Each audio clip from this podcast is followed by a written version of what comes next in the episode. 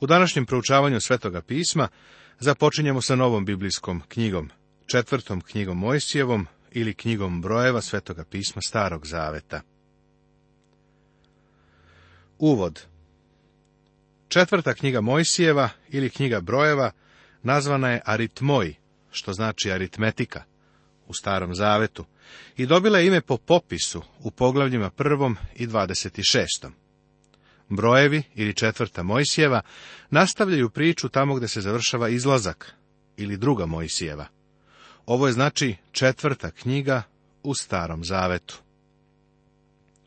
Sjetit ćeš se da u postanju u prvoj knjizi Staroga Zaveta imamo stvaranje i pad čoveka, kao i mnoge druge početke. Imamo početak Izraela, koji još uvijek nije narod, nego samo jedna porodica koja se sve više umnožava i koja migrira u Egipat da bi izbegla istrebljenje zbog gladi. U izlasku, u drugoj knjizi Mojsijevoj, vidimo kako ova porodica u Egiptu postaje narod. Vidimo ih u ropstvu, pored peći za cigle u Egiptu. Zatim vidimo kako ih Bog izbavlja rukom Mojsijevom i kroz pustinju vodi do gore Sinaj. U Levitskoj knjizi u trećoj Mojsjevoj vidimo kako Izraelovi potomci stoje u mestu, na gori Sinaj, dok je Bog davao zakon i uputstva za šator od sastanka. Bog ih je pozvao sebi i rekao im je kako da mu prilaze. U knjizi brojeva, u četvrtoj Mojsijevoj, vidimo kako Izraelci napuštaju goru Sinaj i kreću ka kade svarni. Nakon neuspeha ko kade svarne, počinju da lutaju, sve dok ceo naraštaj nije pomro u pustinji. Godine tumaranja su prava saga o patnji, put tragedije i pripovest o lutanju. Tema Putnikov hod je pogodna tema ove knjige. Ovde vidimo kako Boži putnici putuju, lutaju, rade, ratuju, svedoče i slave Boga. Ovo je priručnik za putnike ovoga sveta mapa i kompas potiču od tebe. Ovo je mapa puta za pustinju ovoga sveta. Ova knjiga je korisna i za nas danas. Pouke koje su Izraelci morali da nauče, jesu pouke koje ti i ja danas treba da savladamo. Ovo je razlog zbog kojeg je Bog zabeležio ovu istoriju radi nas. Sve naime što je unapred napisano, napisano je nama za pouku da strpljivošću i utehom pisma imamo nadu. Zapisano je u poslanici Rimljanima u 15. poglavlju. A sve ovo događalo se njima za primjer, ali je napisano za upozorenje nama, kojima su posljednja vremena blizu. Zapisano je u prvoj poslanici Korinčanima, u desetom poglavlju. Shodno veri, pomreše svi ovi neprimivši obećanja, nego ih samo iz daleka videše i pozdraviše i priznaše da su stranci i došljaci na zemlji, kaže poslanica Evrejima 11. poglavlje. A prva poslanica Petrova u drugom poglavlju je zapisala, dragi moji, molim vas kao strance i došljake da se uzdržavate od plotskih požuda koje vojuju protiv duše.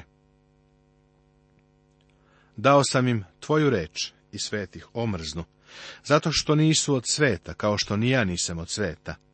Ne molim te da ih uzmeš sa sveta, nego da ih sačuvaš od zla, zapisano je u Evanđelju po Jovanu u 17. poglavlju. Pisac Mojsije Prvih pet knjiga Biblije, koje se nazivaju petoknjižje, pošto Pentetuh znači pet knjiga, napisao je Mojsije. Oni u Svetom pismu predstavljaju zakon, iako je pitanje Mojsijevog autorstva bilo pod sumnjom, konzervativni učenjaci su ga utvrdili, a arheolozi potvrdili. Ljudi koji veruju u Bibliju jednoglasno prihvataju Mojsija kao autora ovih knjiga. Napomene Zanimljivo je zapaziti da razdaljina od 150 do 200 milja od gore Sina i do Kadisvarne, jeste put koji se u to vreme prelazio za 11 dana. 30 dana su proveli u Kibrotu. 40 godina su proveli na putu koji je trebalo da traje 40 dana, jer je njihovo putovanje pretvoreno u tumaranje. Pošto su odbili da odu u zemlju, nakon kadi svarne nisu ni malo napredovali. Na kraju tog lutanja vratili su se na isto mesto u kadi svarnu nevera između popisa koji nalazimo u prvom poglavlju i onoga koji je zapisan u 26. poglavlju, nalazimo božansku istoriju o lutanju Izraelaca kroz pustinju, i to u toku nekih 38 godina i 10 meseci. I to s početkom prvog pokreta izraelskog okola, nakon što je podignut šator od sastanka.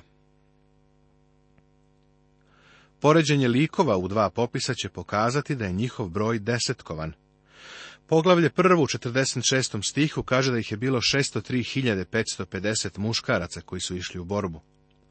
Poglavlje 26. kaže da je bilo 601.730 muškaraca koji su išli u borbu. To predstavlja gubitak od 1820 ratnika.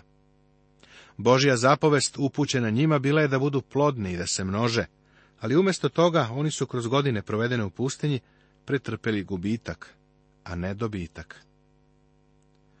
Popis nam pomaže da utvrdimo broj ljudi koji je izašao iz Egipta. Daću vam procenu doktora Melvina Kajla, koji je veliki egiptolog i jedan od urednika Međunarodne biblijske enciklopedije i koji je također izvesno vrijeme bio urednik časopisa nacionalne geografije.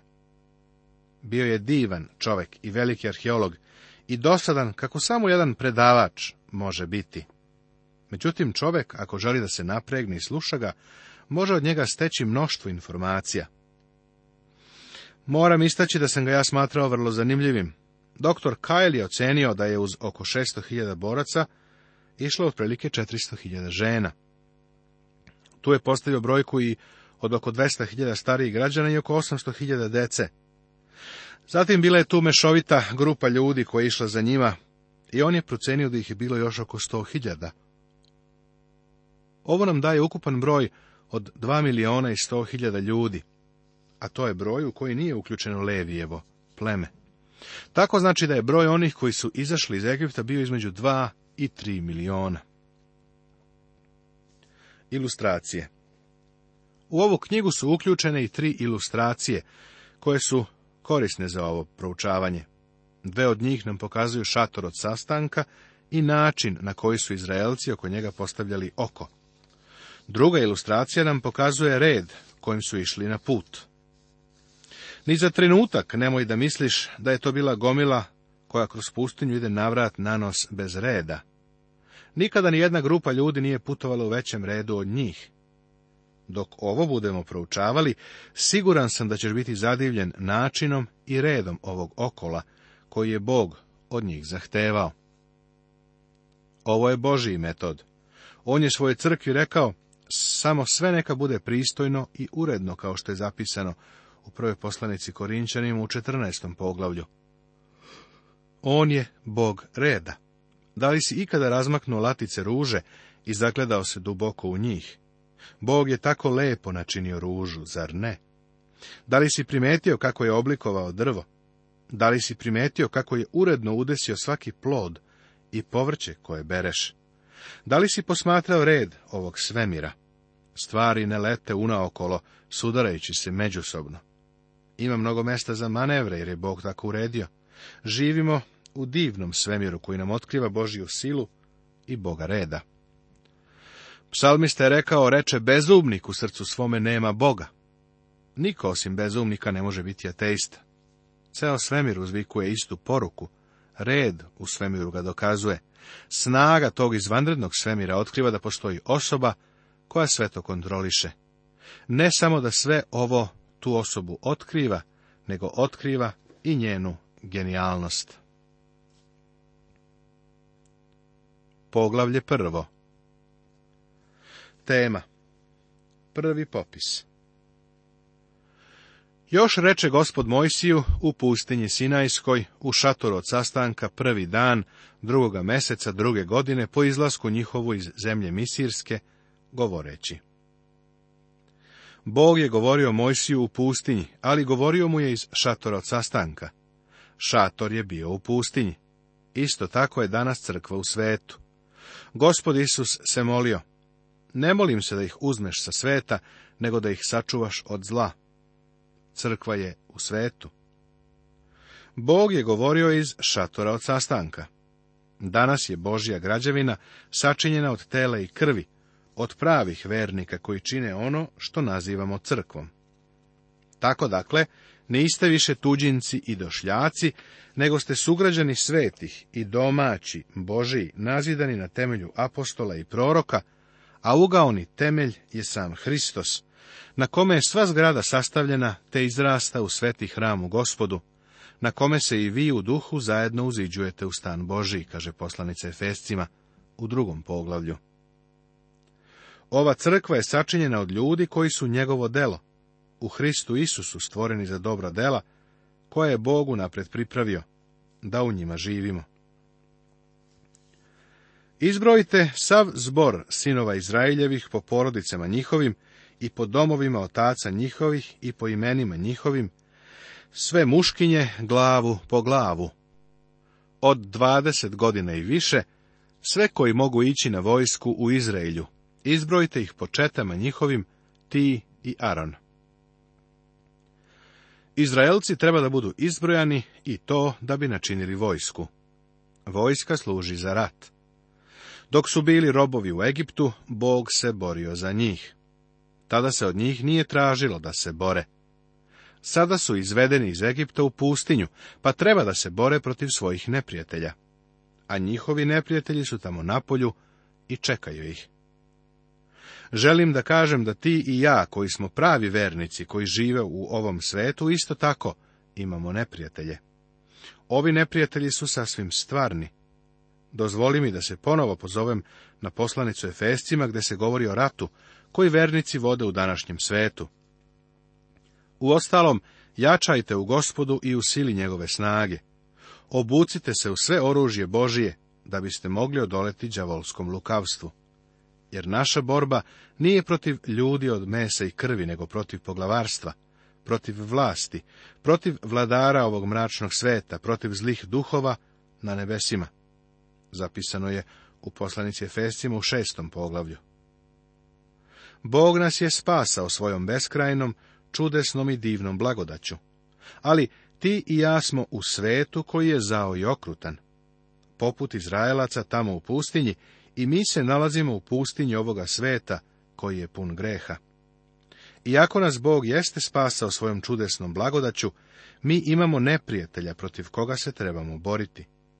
Pavle je ovo napisao mladom propovedniku podnesi sa mnom zlopačenje kao dobar vojnik Hrista Isusa. Zatim mu ponovo govori, bori se u dobroj borbi vere, dohvati večni život u koji si pozvan. Evo sada, Izraelci po prvi put slušaju o ratu. U ovoj knjizi ćemo naći ratove i trube, borbe i divove, sve to. Ti i ja u takvom svetu danas živimo. U našem vremenu neki ljudi misle da sve što čovjek treba da uradi jeste da kaže mir. I onda će biti mir. Govore o tome da treba voditi ljubav, a ne rat. Ipak, stvaraju nesporazume i rasprave dok govore o miru. O pravom miru ne znaju ništa. Izgleda da ne razumeju da živimo u velikom zlom svetu, da nas okružaju neki zli ljudi i da će borbi i ratova biti, uprkos tome da li nam se to sviđa ili ne.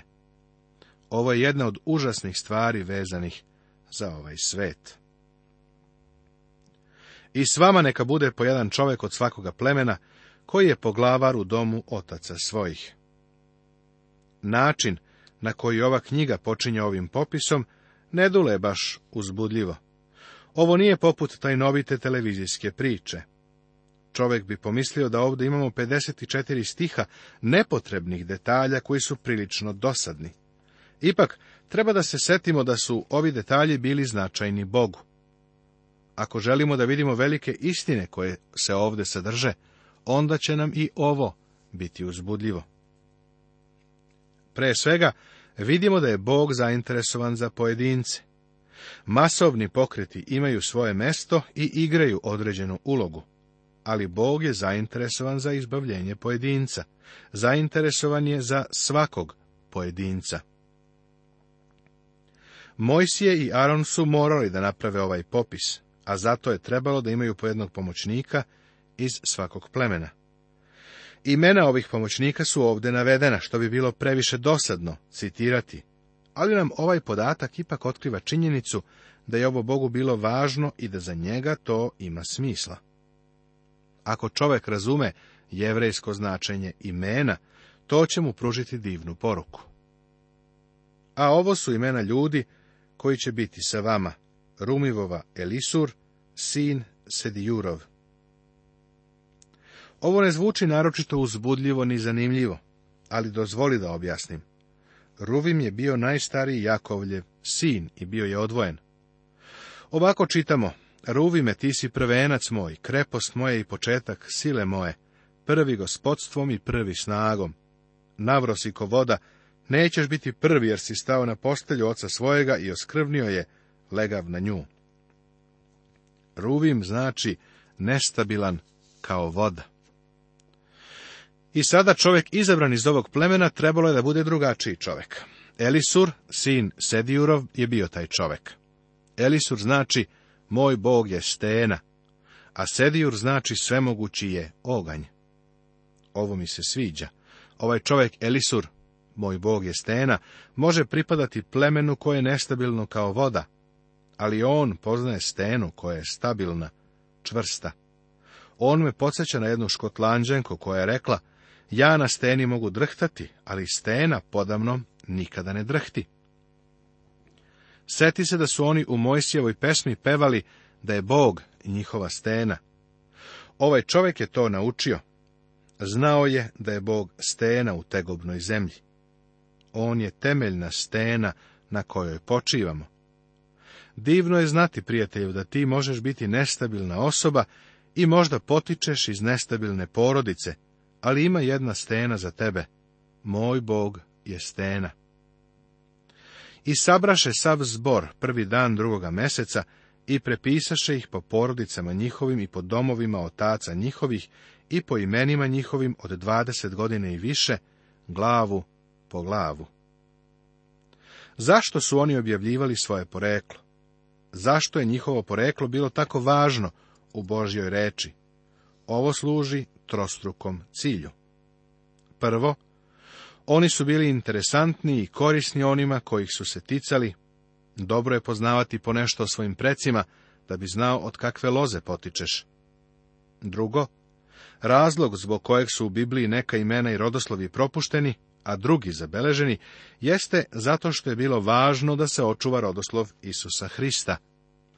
U našoj studiji prve knjige Mojsijeve smo vidjeli kako je odbačenoj lozi bilo dato prvo mesto, a onda je ona odbačena i zaboravljena.